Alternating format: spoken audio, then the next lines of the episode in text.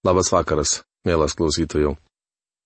Toliau keliaujame Biblijos puslapiais, Senojų testamentu, pranašų Izaijo knyga. Laidą pradedame 56 šios knygos skyriaus apžvalgą.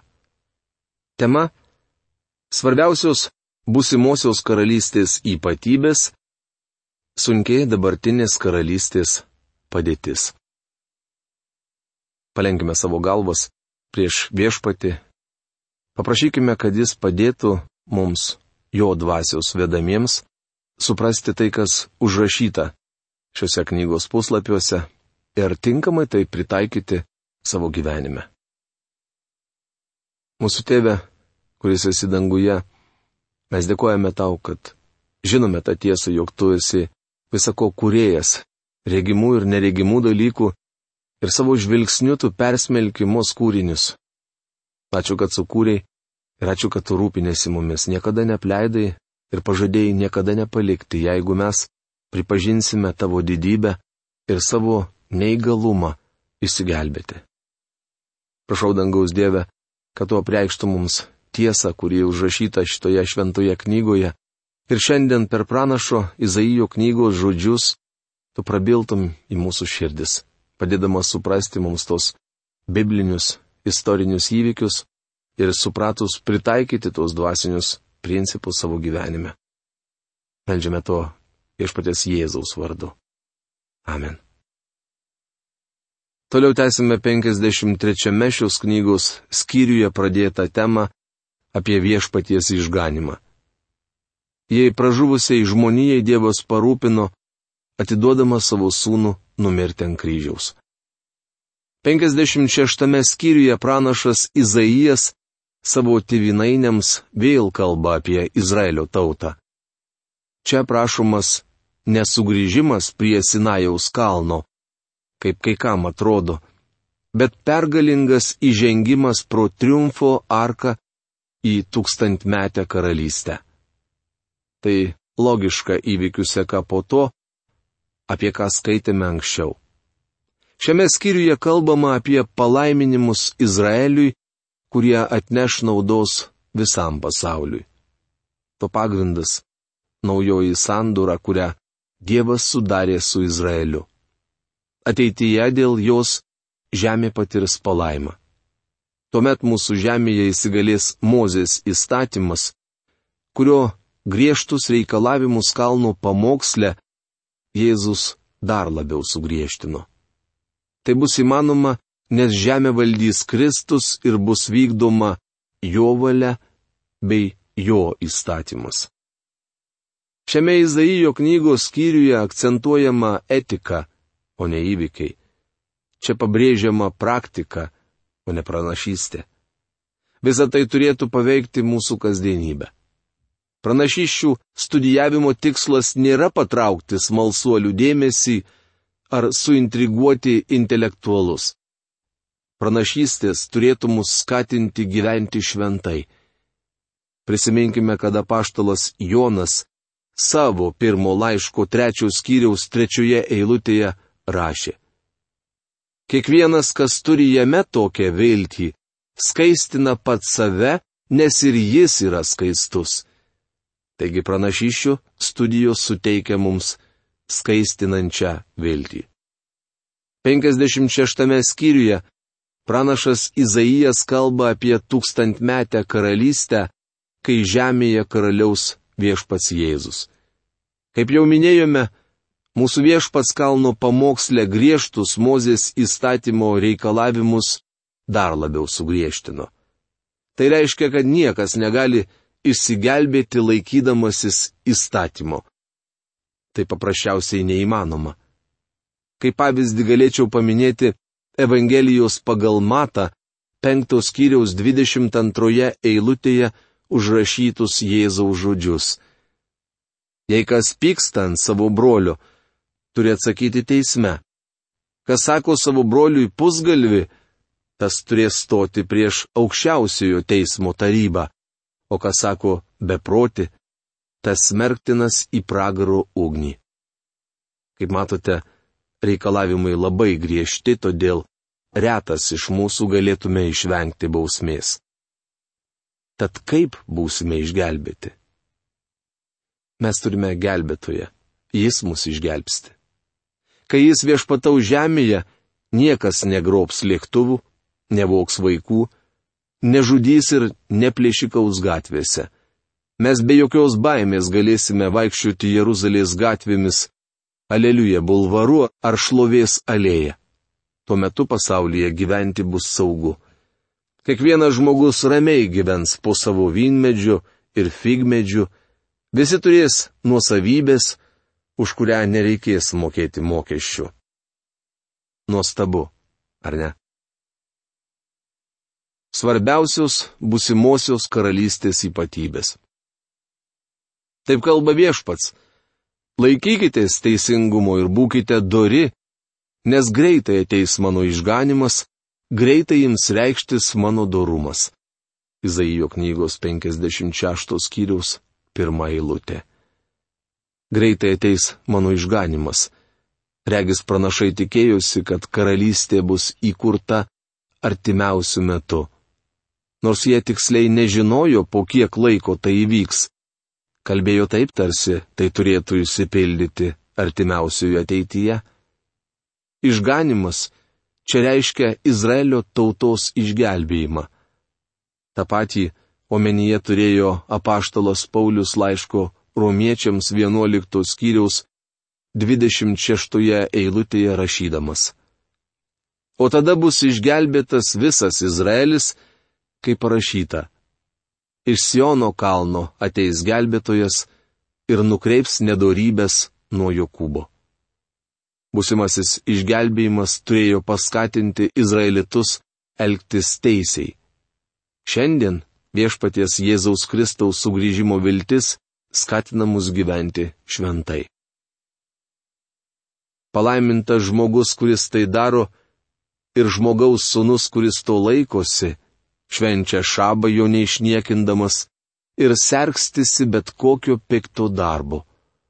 Izaijo knygos 56 skyriaus antra eilutė. Kaip matote, šie žodžiai skirti žmonėms grįžtantiems prie įsako dėl šabo. Tūkstantmetės karalystės metu šioje žemėje vėl bus švenčiamas šabas. Tuo tarpu šiomis malonės dienomis mums aiškiai sakoma, niekas ten nesmerkia jūsų dėl valgio ar gėrimo, dėl švenčių, jaunačių ar šabų. Taip užrašyta kolosiečiams laiško antros kiriaus šešioliktoje eilutėje. Taigi mes su jumis nesame susaistyti įsako dėl šabo. Tai turėtų būti akivaizdu visiems. Tačiau tuo met, kai žemė valdys Kristus, Dievas ketina atnaujinti įsakus dėl šabo, nes įstatymas išeis iš Jeruzalės. Svetim šalis atėjęs pas viešpatį ten nesako, viešpats tikrai išskirs mane iš savo tautos. Eunuchas ten nekalba, štai aš, medis nudžiuvelis. Izaijo knygos 56 skyriaus 3 eilutė. Ta diena pagonims nereikės jaustis pašaliečiais dėl Dievo palankumo Izraelio tautai. Atvirkščiai, jie kviečiami dalintis palaiminimais. Mozės įstatymo laikais eunuchai negalėjo tarnauti kunigais, tačiau tūkstantmetėje karalystėje joks fizinis trūkumas neatskir žmogaus nuo viešpaties. Juk taip kalba viešpats, eunuchams švenčiantiems mano šabus noriai darantiems tai, kas man patinka, ir besilaikantiems mano sandurus, aš duosiu savo namuose ir savo mūruose paminklą ir vardą vertingesnį už sūnus ir dukteris.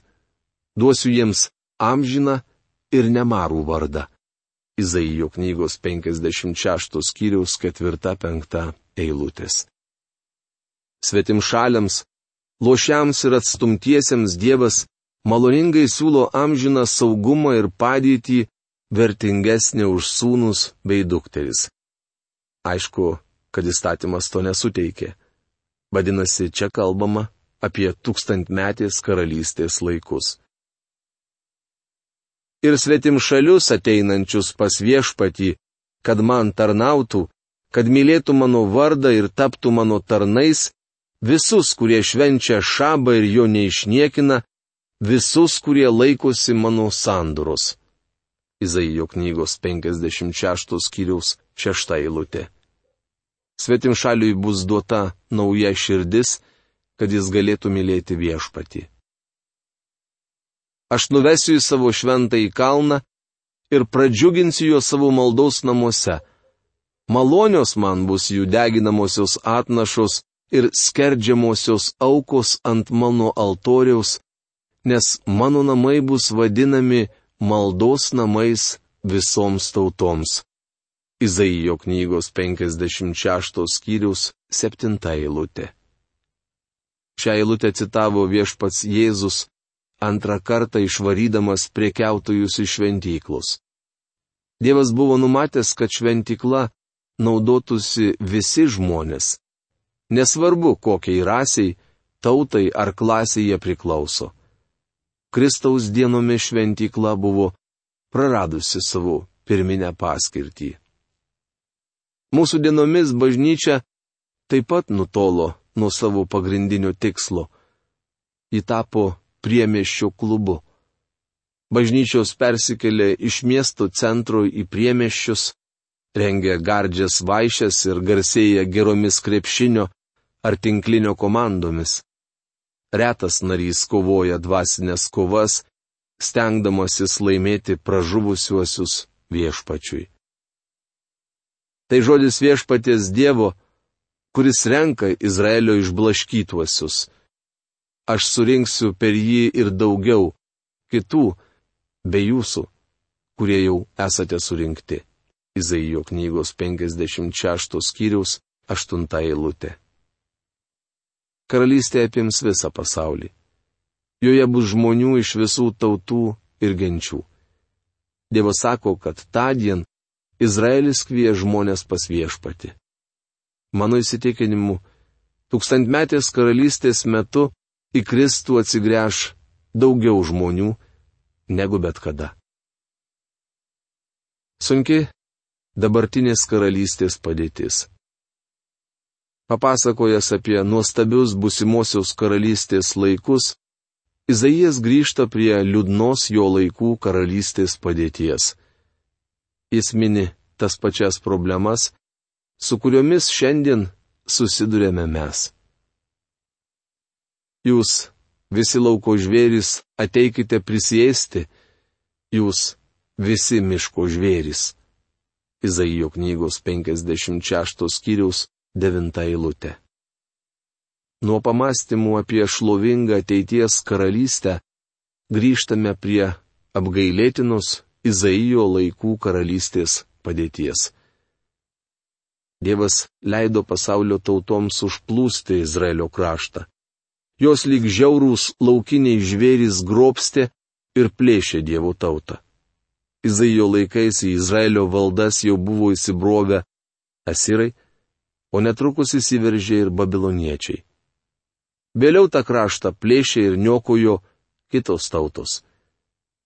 Jei jums kada teko matyti Jeruzalės raudų sienos nuotraukas, galbūt atkreipėte dėmesį, jog ji pastatyta iš skirtingų civilizacijos laikotarpių akmenų. Tai gana akivaizdus įrodymas, kad miestas buvo daugelį kartų naikintas. Istoriniai šaltiniai liudyja, jog Jeruzalė buvo sugriauta mažiausiai 27 kartus. Šiandien jis stovi ant griuvėsių. Norėdami pasivaikščioti tuo žemės sluoksniu, kuriuo vaikščiojo Kristus, turėtumėte nukasti 10-15 metrų griuvėsių. Tikriausiai jums kyla klausimas, kodėl Dievas leido tautoms puldinėti Izraelį. Taip atsitiko dėl to, kad Izraelis jį labai nuvylė. Skaitome toliau. Mano sargai akli, jie visi nieko nepastebi. Jie kurti šunys, negalintys loti tik sapnuoja, tyso ir mėgsta snausti. Izaijo knygos 56 skyrius 10 eilutė. Tokie anomis dienomis buvo pranašai ir kunigai, kalbėję žmonėms Dievo vardu. Dievas leido priešui užimti Jeruzalę, nes tautos vadovai buvo silpni ir netikę. Jie buvo akliniai išmanėliai, kurti šunys. Laiško filipiečiams trečios skyriaus antroje eilutėje Paulius įspėjo sergėti šunų. Ką jis turėjo omenyje? Manau, kad apaštalas nenorėjo pasakyti, jog jums reikia saugotis piktų keturkojų skalikų. Jis kalba apie mokytojus ir pamokslininkus, kurie neskelbė visų Dievo nutarimų. Izaijo laikais kiekvienas piemuo turėdavo šunį, kuris padėdavo sergėti avis. Šuo neprarasdavo budrumo ir naktį vos tik atsėlindavo koks nors plėšrus žvėris ar žmogus, ketinantis nusinešti avį, šuo imdavo loti. Tačiau sargai, tai yra pranašai ir kunigai, turėję įspėti Dievo tautą ir skleisti Dievo žodį, besertinančio pavojaus nepastebėdavo. Jie buvo kaip kurti šunys, nelojantys pavojaus valandą. Jiems buvo daug lengviau tysoti ir snausti. Mano nuomonė, liberalizmas atsirado dėl tarnautojų nerištingumo. Matote, skelbdamas Dievo žodį, pamokslininkas verčia daugelį žmonių jaustis nepatogiai. Tai žinau iš savo ilgametės patirties. Stengiuosi skelbti Dievo žodį kiek įmanoma maloniau, tačiau jis yra kietas. Tokia ir šia eilutė. Pamokslininkas, kuris stovėdamas už sakyklos, neskelbė Dievo žodžio yra kur čia šuo. Šį apibūdinimą sugalvojau ne aš, o pranašas Izaijas. Beje, šios žodžius Izaijas užrašė įkvėptas šventosios Dievo dvasios. Kurčias šuo yra tas žmogus, kuris neskelbė Dievo žodžio, bet tik tyso ir sapnuoja. Jis negali loti ir mėgsta snausti. Pastoriui daug patogiau pataikauti žmonėms, negu skelbti Dievo žodį, kuris neretai būna gana griežtas. Per ilgą savo tarnavimo laikotarpį esu gavęs daug laiškų iš bažnyčių organizacinių komitetų, kuriuose buvau prašomas parekomenduoti pastorių. Laiškuose visuomet būdavo išvardyjamos savybės, kuriomis turėtų pasižymėti busimasis pastorius daugiausiai dėmesio būdavo teikiama tarnautojų asmenybei. Jie norėjo, kad parekomenduočiau draugišką pastorių, mokantį sutarti su visais, kurį mylėtų ir garbaus amžiaus nariai, ir jaunuoliai. Kai kuriuose laiškuose net nebūdavo užsimenama apie Dievo žodžio išmanimą. Dėl šios priežasties dažnai už sakyklų stoja kurti šunys. Liūdna sakyti, bet tai tiesa. Beje, šį faktą pirmas paminėjo Izaijas. Jie rajų šunys, jiems niekuomet negana, jie piemenys be išmanimo, visi jie eina savais keliais, kiekvienas paiso vien savo naudos. Izaijo knygos 56 skyriaus 11 eilutė. Jie rajus šunys, paisantys tik savo interesų jiems visai nerūpi tautos gerovė. Kartą pietavau su bičiuliu, pensijon išėjusiu pamokslininku. Jis paklausė, Magi, tu skelbi per radiją gana kietą žinę. Ar nebijai, kad žmonės atsigręž prieš tave ir neberems tavo laidų? Aš atsakiau, tuomet aš nebekalbėsiu per radiją ir papasakosiu apie tai viešpačiui leisdamas man naudotis radio eteriu, jis nori, kad skelbčiau jo žodį. Atvirai kalbant, manau, jog tai jo, o ne mano problema. Aš tik skelbiu jo žodį. Ateikite, sako, aš atnešiu vyno, pauškime, gerdami stiprų įgėrimą. Kaip šiandien, tai bus rytoj ir net dar smagiau. Izaijo knygos 56 skyriaus 12 eilutė. Tie žmonės skandino savo liūdėsi ir bėdas gerdami stiprius gėrimus. Jie žvelgia į ateitį kaip girtuokliai ir akli optimistai. Ir šiandien daugelis žmonių panašiai žiūri į gyvenimą. Jie skandina savo bėdas alkoholyje. Bičiuli, mūsų tautoje su alkoholizmo problemomis susiduria jau ne tik suaugusieji, bet jaunimas ir net vaikai. Šiandien aš matau daugiau girtuoklių negu kada nors anksčiau. Neseniai skridau lėktuvu, o šalia mane sėdėjo nepaprastai miela senutė. Galvojau, na va, bent vienas žmogus šiame lėktuve atsisakys alkoholinių gėrimų. Deja, pasirodo labai klydau. Toji senučiukė užsisakė kokteilį krūvinoji Meri ir išgėrė jį vienu mauku. Tikriausiai ji buvo pripratusi prie tokių gėrimų. Bičiuli, mūsų tautos moralė smukusi. Daugelis krikščionių nenori apie tai girdėti. Jie verčiau linkia klausytis švelnių, saldžių melodijų. Dusgendami žmonėms ausyse, tai yra skambindami jiems saldžias melodijas, neturėsite bėdos. Bet jei skelbėte Dievo žodį, nemalonumų neišvengsite. Visgi Izaijas kalbėjo tiesą ir aš ketinu daryti tą patį. Šios dienos laidos laikas baigėsi. Iki greito sustikimo. Sudė.